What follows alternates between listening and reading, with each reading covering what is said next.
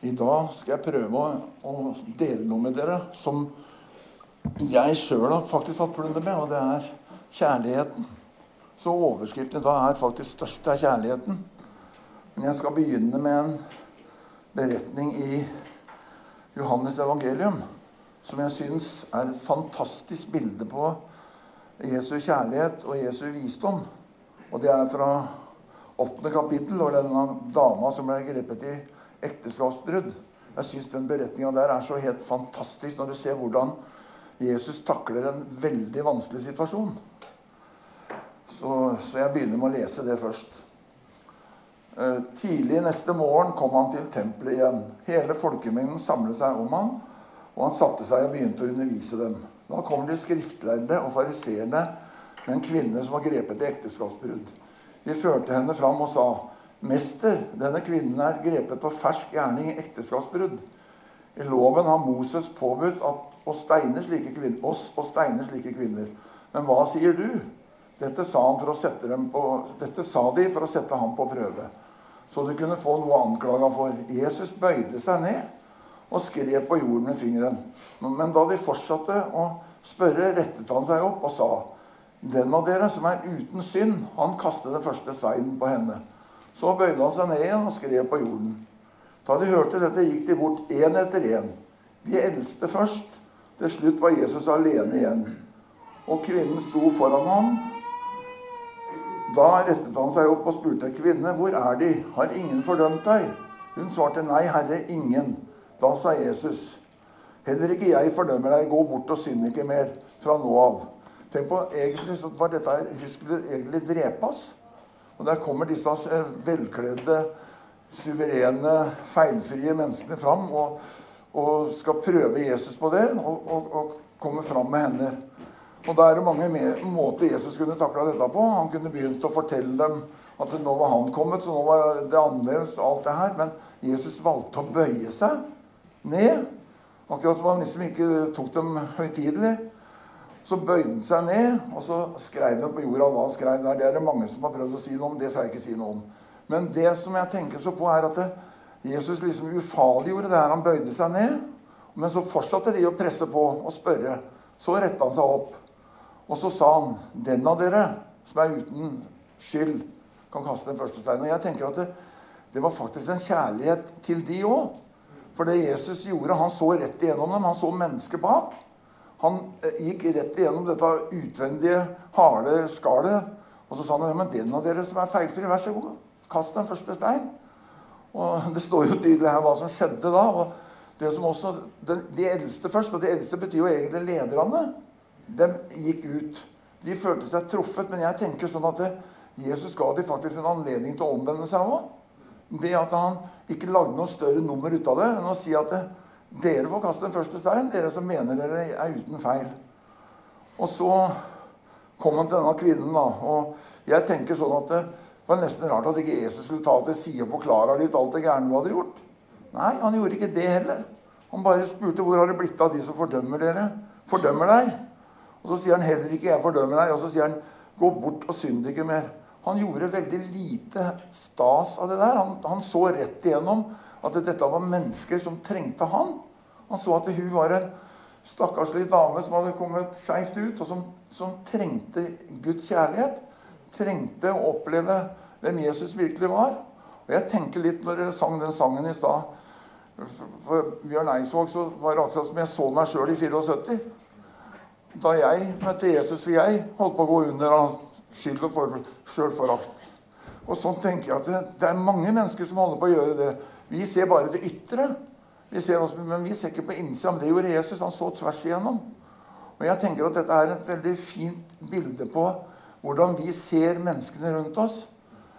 Det å kunne se hverandre som mennesker. For alle er vi mennesker. Uansett hvor skeivt vi har kommet ut, hva vi gjør eller ikke gjør, så er vi mennesker. Og det, og det står jo i Johannes 3, 16 det står at det så høyt at Gud elsket verden, at han ga sin sønn den enbørende, for at hver den som tror på Han, ikke skal fortapes, men ha evig liv. Så så høyt elsket verden, og det betyr jo alle. Så Gud elsker jo alle. Hver eneste en. Uansett så gjør han det. Og han gir alle en anledning. Og det er det jeg syns er så utrolig sterkt. Og så skal jeg prøve meg på noe Nå skal jeg gå til det kjærlighetskapitlet. Til korinterne. Og det kan være et skummelt kapittel hvis vi leser det, og så tenker vi at vi, vi når ikke halvveis opp til det som står der. Men jeg tror det som står der Jeg skal ikke lese hele det. Men det som står der, det er faktisk Guds kjærlighet, som vi har en mulighet til å ta imot ved å søke Ham.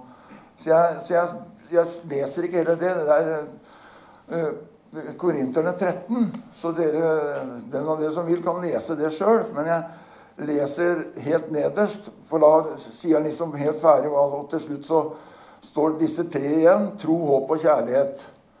Men størst blant dem er kjærligheten. Og så har jeg så lyst til å gå rett over til kapittel 14, hvor det står 'Jag etter kjærligheten'. Søk åndsgavene med, med iver, særlig det å tale profetisk. For før 13 her så snakker han om alle nådegavene. Så kan det se ut her som at han, han sier nå skal jeg, Og så øverst, det neste jeg ikke, men det skal jeg lese nå. Og jeg vil vise dere en bedre vei, sier han. Og det er jo kjærlighetens vei. Men det betyr ikke at han sier nei til nådegavene. For i 14 så kommer han tilbake til nådegavene. Men han viser hvor viktig kjærligheten er. Han sier 'jag etter kjærligheten'. Det må jo bety da, at vi har en mulighet til å få tak i den kjærligheten. Men det er ikke noe vi kan produsere i oss sjøl. Det er noe vi kan få tak i ved å leve nær til Jesus, ved å være ærlig mot oss sjøl.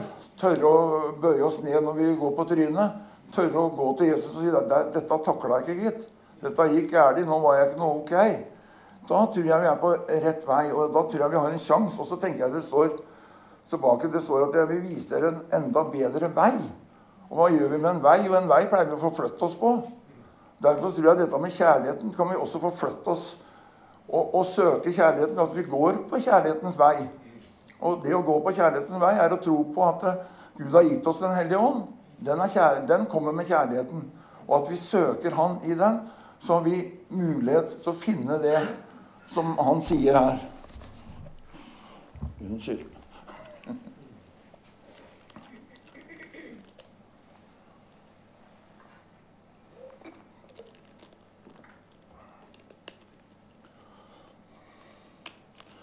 Når jeg kjørte i bilen hit i dag, så ba jeg en liten bønn.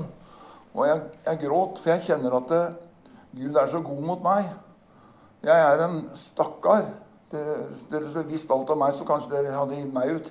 Men jeg har vært en stakkar hele mitt liv. Dårlig sjøltillit, alle de tinga. Så får jeg se Plutselig en dag så, så jeg at Jesus elska meg sånn som jeg er. Med alt det jeg har. Og han har lært meg veldig mye. Og jeg tenker så på dette den veien som han har satt foran. For han kaller det til og med for å vise dere en bedre vei, sier han etter han har gått igjennom alle alle de her med nådegavene. Og det er bare for å minne oss. Det er ikke for å ta bort nådegavene, men det er for å minne oss om kjærlighetens vei. Og jeg tenker det stykket jeg leste om henne dama, det er vel ikke et sterkere kapittel om, eller et sterkere stykke om Guds kjærlighet. Hvor Jesus så tvers igjennom. Han så dette skjelvende, stakkars mennesket som sto der. Han så også de tøffingene som sto der, at det var også mennesker som faktisk innerst inne trengte han. Det var mennesker som de fant jo fort ut at de var ikke feilfri. da. Så de fant ut at nå var det best å pakke sammen og gå. Og det, det syns jeg er så fint å se. Og jeg tenker ofte på det med oss sjøl òg. For i den, i den tida vi lever nå, så er det mange ting. Det har vært korona, vi blir redde, det er frykt over hele haugen. Og det står også et sted at kjærligheten driver frykten ut. Så jeg tenker det at hvis vi går kjærlighetens vei, så tror jeg også mange av de tinga vi lengter etter, vil komme. Tenk på vi som lengter, vi lengter at vi ser større ting. Jesus sier også det at vi skal gjøre større ting. Og jeg tror de større tinga er å vandre på kjærlighetens vei. Og gjennom å vandre på kjærlighetens vei så får vi også de andre tinga. Det er det jeg Sånn jeg har oppfatta det. Og dette er ikke noe krav. Dette er ikke noe vi kan få til sjøl. Vi, vi, kan ikke løfte oss i håret. For det, det greier vi ikke. Og jeg, særlig ikke jeg. Men, men jeg tenker sånn at det, det, går ikke på det, men det går på den kjærligheten Jesus, eller Gud har utøst. Han har utøst en kjærlighet. Og den kjærligheten kan vi gripe fatt i. Ikke den kjærligheten som er i oss sjøl. Den, den, den, henger ikke med i svingene. Men den kjærligheten som Jesus har å gi ved, Den hellige ånd, og ved sitt eksempel i, i boka her, den kjærligheten holder. Den holder i alt, og det er Guds kjærlighet til oss. Og jeg tenker at vi som sitter her nå, vi er privilegert som har fått lov å komme inn på den veien, kjærlighetens vei, sammen med Jesus. Der er vi kjempeheldige, tenker jeg. Og da tenker jeg at eh, da, da, når vi er så heldige, så er det kanskje ikke så vanskelig å være litt overbærende mot andre heller. Og jeg har lyst til Eva er ikke ved siden av nå. Jeg har bare lyst til å fortelle at jeg jeg har sagt det før, men det er lenge siden, at jeg er en person som sliter mye med følelser.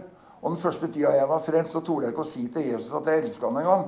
For jeg trodde aldri jeg var glad nok inn. Jeg visste faktisk ikke hva kjærlighet var. Så traff jeg hun som sitter der nede, da, Eva. Og hun har med sin måte å være på, så har hun lært meg hva kjærlighet er. Hun har lært meg at jeg hadde kjærlighet, jeg bare visste det ikke. Fordi at jeg var så, jeg, jeg, hadde fått sånne rare greier at det skulle banke på det her og der, og det skulle være så voldsomt hvis jeg elska noen. Og det har jeg funnet at det stemmer jo ikke helt, da. Det er, det er ganske, ganske langt fra virkeligheten. Men da når, jeg fikk, når jeg, Eva og jeg ble sammen, og jeg fikk lære det, så begynte jeg også å tørre å si til Jesus at jeg elska han. Det tok noen år. Jeg, jeg, jeg, visste jeg var glad i Jesus. Jesus hadde vist meg mye. Han hadde gjort mye med meg. Men å si det ordet 'Jeg elsker deg, Jesus', det torde jeg ikke. Det tok mange år. Så plutselig så sa jeg det, og det var helt fantastisk å få oppleve. Det var en frihet. Men det er fordi at eh, Som jeg sier, jeg, jeg er en person som sliter med dette med følelser. Og jeg trodde ikke dem var gode nok. Men nå ser jeg at det, vi er faktisk gode nok. Vi er gode nok, alle vi som sitter her. Vi er gode nok til å få lov å oppleve det jeg har sagt her. så å få lov å oppleve dette å gå på kjærlighetens vei. Det er vi faktisk gode nok til. Og jeg tenker på det at Tenk at Gud har elska oss så høyt at han sendte sin egen sønn.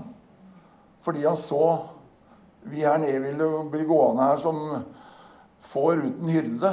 Han ville si at det ville bli helt uh, kaotisk hvis ikke han fikk komme til å vise oss veien. Og det er det jeg tenker at Hvis ikke du husker noe annet av det jeg har sagt her nå, så husk jeg at Jesus elsker deg med en evig kjærlighet. Og den kjærligheten den vil han at vi skal ta del i. Den vil han at vi skal få oppleve. Men det betyr ikke at vi er feilfrie. Det kommer vi aldri til å bli. Iallfall er jeg overbevist om at jeg ikke kommer til å bli det. Så får dere andre snakke for dere sjøl. Men jeg er overbevist om at det blir vi ikke. Men jeg er overbevist om at Jesus elsker oss akkurat sånn som vi er. Han har ikke større krav til oss enn at vi kommer til han. Han har ikke større krav til oss enn at vi gjør så godt vi kan med å be. Jeg tenker ikke på at vi gjør så godt vi kan med å prestere, men med å be gå på den veien som han har lagt foran oss. Og det er den veien jeg gjerne ville minne dere om i dag. Så tror jeg jeg slutta før jeg finner å grine. For det, det ligger så på meg. Jeg skulle så ønske at vi alle sammen så den veien. så og det tror jeg nok mange gjør oss. Og hvor høyt Jesus egentlig elsker oss. Det er ikke noe vanskelig å være god mot andre når vi ser hvordan Jesus elsker oss. Så det, det vil jeg bare si. Og så vil jeg bare be en kort bønn. Jeg takker deg, Jesus, for at jeg kan få lov å dele noe av det du har gitt meg her. Og få lov å dele noe av det med din kjærlighet her. Og få lov å leve der, her. Med all min svakhet og alle de tinga som ikke funker her. Så kan jeg få lov å være sammen med deg for det her. Være sammen med den flokken her, her og være en del av denne menigheten her. Det priser jeg deg for. Så ber jeg at hvis det er folk her nå i dag som sitter og føler seg at de ikke strekker til, så vil jeg bare be deg om at du møter dem i hjertet deres og sier at de er glad i deg akkurat sånn som du er. Du bør ikke strekke til. Du er bra sånn som du er. Amen.